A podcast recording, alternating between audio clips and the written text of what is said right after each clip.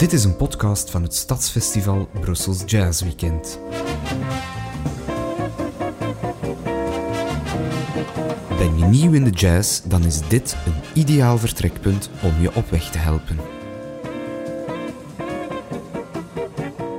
Dag luisteraars, dag Frederik. Vorige keer hadden we het over Charlie Parker en de bebop.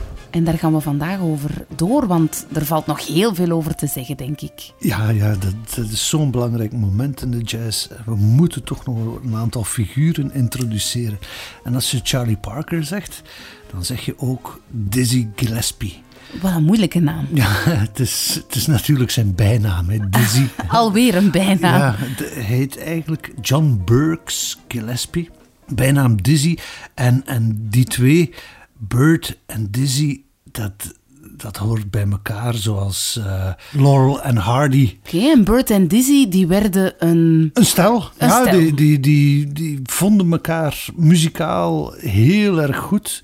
Hebben een aantal zeer mooie opnames samengemaakt in eh, 1945. Dat was zo'n moment dat eh, plotseling die muziek kant en klaar op plaat terecht kwam. Omdat in 1945 de recording ban was opgeheven. Ja. Herinnert u dat ja, nog? daar hebben we het Ja. eens over gehad. Maar die recording ban had ervoor gezorgd dat er niet alleen voor bijna twee jaar geen opnames gemaakt waren, maar dat ook het hele muzikale landschap zou veranderen.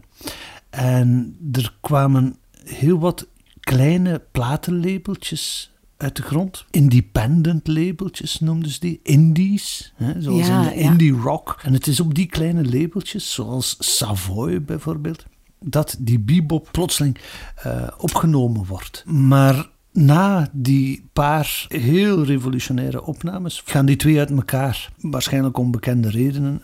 Eh, je weet dat Parker niet echt de meest betrouwbare partner is. En, En eh, Dizzy had het daarmee gehad. en Dizzy had ook wat andere ambities ook. Hij probeert om die avant-gardistische speelstijl van de Bob te gaan toepassen in de context van een big band. En dat was. Dat wat gek, want eh bebop was muziek die typisch in combo's werd gespeeld. En wat bedoel je daarmee? Kleine orkestjes. Eh, Vijf mensen, een drummer, een bassist, een pianist en dan twee blazers. Typisch een saxofonist en een trompetist is voldoende om een bebop-orkest te hebben. Dus een kleinschalige setup. Ja, een kleinschalige setup was, was typisch voor die moderne jazz. Zal het blijven ook, want de big bands gaan minder en minder de kans nog krijgen om eh, op de baan te blijven. Hè. Er, er is na de Tweede Wereldoorlog gewoon niet meer het geld. Ook de interesse is wat tanend om nog naar die big bands te luisteren. Maar Gillespie doet dat toch. Hij gaat zo'n orkest samenstellen en ehm, zal ook invloeden toelaten van een ander type muzikale en sociale paria die op dat moment in eh, New York met, met velen kwamen geïmmigreerd. Dat waren de Cubanen. En die Cubanen brachten ook een typische muziek mee, die, die Zuid-Amerikaanse ritmes. En dat boeide Gillespie mateloos. En hij had een heel nauwe relatie met een eh, percussionist, die heet Chano Pozzo. En samen maken zij een mengeling van bebop en Cubaanse muziek. Het wordt ook wel eens Q-bop genoemd. En dat is zowat het begin van de Latin jazz. Is dat dan dansbaar? Dat klinkt echt veelbelovend, Ja, vind ik. dit, is echt ja, dit is dansbaar, ook een beetje bezwerend op een manier. Ik stel voor dat we eens luisteren. Dit is een stuk, je zal het horen, want Dizzy Gillespie roept het meermaals. Manteca heet het. Manteca.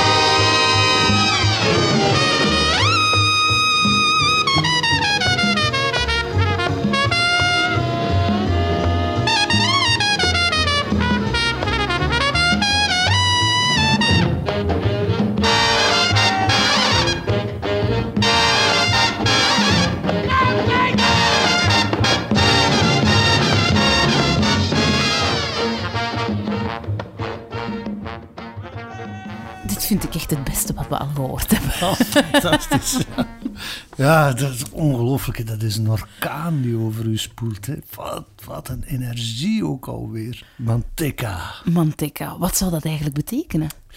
Uh, naar het schijnt, ik ga mijn beste Spaans bovenhalen. Uh, het zou boter betekenen, maar het is ook Afro-Cubaans slang voor marihuana. En dat, dat, dat verrast ons helemaal niet. Ja.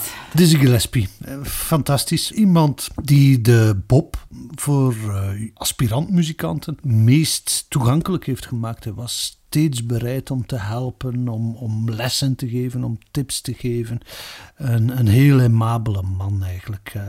En dan uh, nog iemand is uh, Thelonious Monk. Ook iemand die in Minton's Playhouse zat, die bar waar de bebop min of meer ontstaan is. die daar de huispianist was. Als je het over Bob leest, dan zie je die naam altijd terugkomen. Het is ook zo'n naam, Thelonious Monk. Wie heet in godsnaam zo? Hè? Je hoort het één keer en je vergeet dat nooit meer. En hetzelfde geldt ook voor zijn muziek. Het is naar mijn gevoel de meest herkenbare jazzmuzikant die er is. Zelfs al heb je nog maar twee of drie liedjes van Monk gehoord, dan heb je het al gevoel van, ja, mocht ik hem nu nog eens horen, ik zou het weten wie het is. Dat is een straffe uitspraak, vind ik. Ja, het is zodanig uniek wat hij doet. Uh, hij wordt ook wel eens de High Priest of Bob genoemd. Uh, maar in die kerk waar hij hoge priester was, zat in het begin toch zeer weinig volk. En zoveel Bob ja, was daar toch ook niet echt te horen. Het is monkmuziek wat Thelonious Monk maakt. Hij is zodanig consequent in zijn individualisme. Zijn, zijn esthetiek is zo eigenzinnig en, en uh, doorgedreven. Ja, dat je hem bijna met niemand kan vergelijken. En hem ook niet in een of andere stijl gaan onderbrengen. Zeggen dat Monk een bopper is, of de hoge priester van de Bob, is hem eigenlijk wat tekort doen. En wat wil je dan graag laten horen? Wat ik, wat ik altijd leuk vind, oh, is een stuk dat heet Misterioso. Het is een uh, bedrieglijk eenvoudig ding. Het, thema klinkt wat als een, uh, als een etude voor iemand die net piano leert spelen. En uh, als je goed luistert, hoor je ook dat de structuur waarop het gebouwd is een blues is. Dus eenvoudig themaatje, blues, uh, schema's, vertrouwd terrein zou je zeggen. Maar dat is dan buiten Thelonious Monk gericht. Luister maar.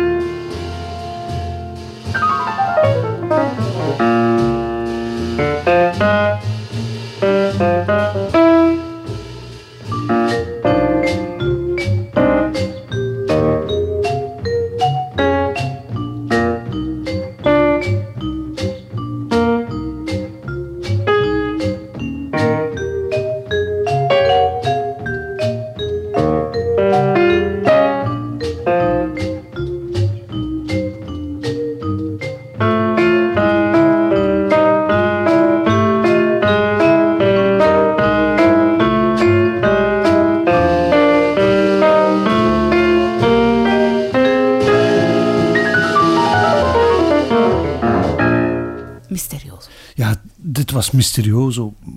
Relatief vroege opname van Monk eh, voor het kleine Blue Note label. Ook weer een van die indie labeltjes.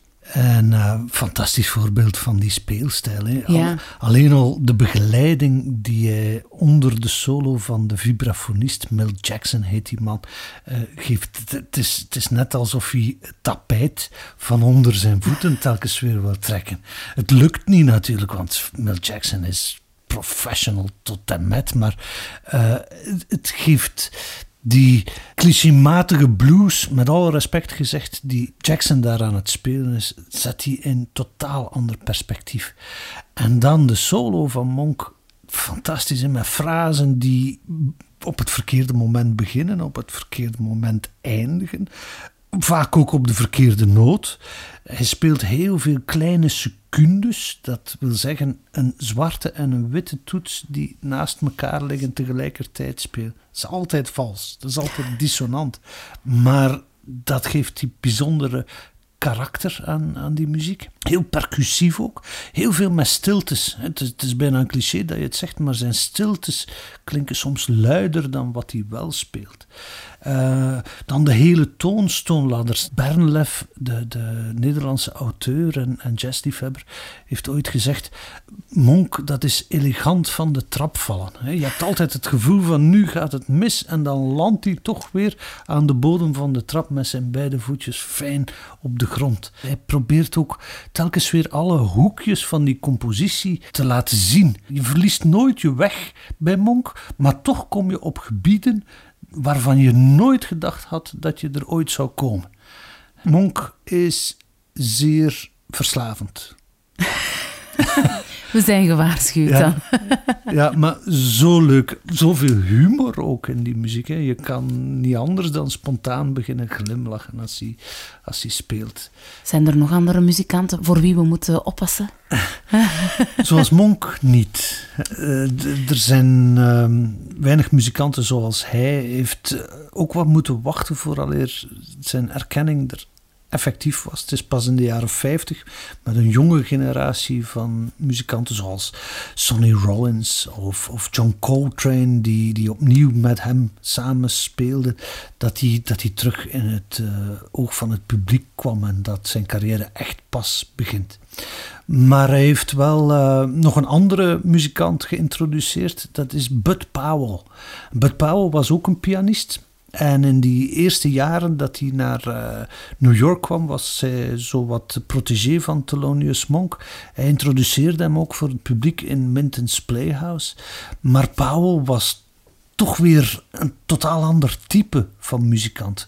Bud Powell is de man die de speelstijl van Charlie Parker met die snelle frasen eh, gaat vertalen naar de piano. Dus de rechterhand van de pianist wordt zodanig dominant en flitsend dat de linkerhand zich op de duur beperkt tot akkoordjes, drie klanken op onvoorspelbare momenten. Dat comping. hè.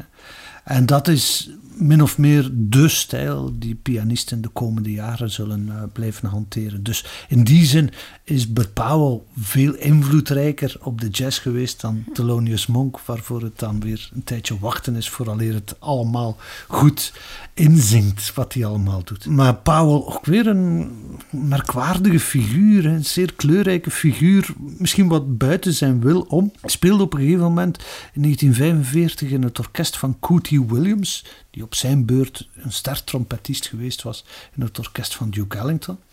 En hij komt naar huis van een optreden en hij heeft al wat, wat eh, gedronken en, eh, en wordt tegengehouden door de politie, protesteert een beetje en wordt op dat moment neergematrakeerd door die politie. En hij belandt in het hospitaal met een, een hersenschudding. En eh, sindsdien kan hij die hoofdpijn niet meer van zich afschudden. En, eh, Oh, wat een nachtmerrie. Ook Ja. weer voor een muzikant, eh, zeker. en eh, is dat ook het begin van een, een ja, wat schizofrene aandoening. Hè? Momenten van grote genialiteit wisselen complete waanzin af. Eh, en eh, er zijn zo verhalen van hoe Powell opgenomen is. En eh, dan, dan komen mensen op bezoek en dan heeft hij een klavier met krijt op de muren getekend. En zo zit hij te spelen. En dan vraagt hij aan de bezoekers: oh, Vind je die piano ook niet zo prachtig klinken? Het is de mooiste die ik ooit bespeeld heb. Dus hij was un poco loco. en dat is ook het stuk dat we gaan beluisteren als allerlaatste. Un poco loco, dit is Bud Powell.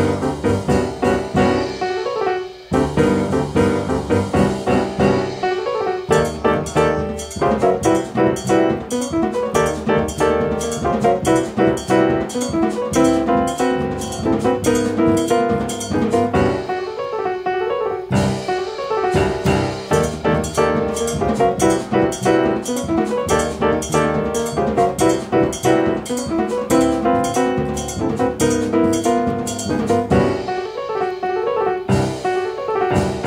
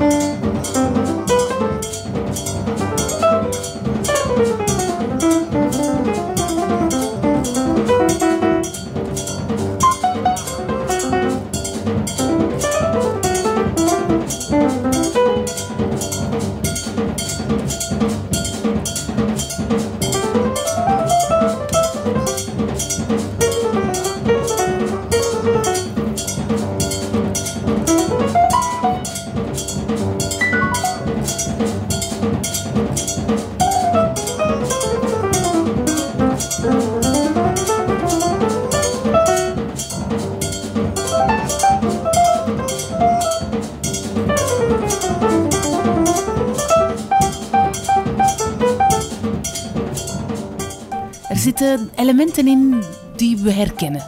Ja, het heeft, het heeft ook iets van dat Q-bop. eh, die, die Latin-invloeden zitten daarin. En hij speelt hier wat Monkeyaans, vind ik ook. Dus het is ideaal om, om de uitzending vandaag af te sluiten. En wie is de volgende in het rijtje? Een heel nieuwe stijl, een heel nieuw geluid. Miles Davis.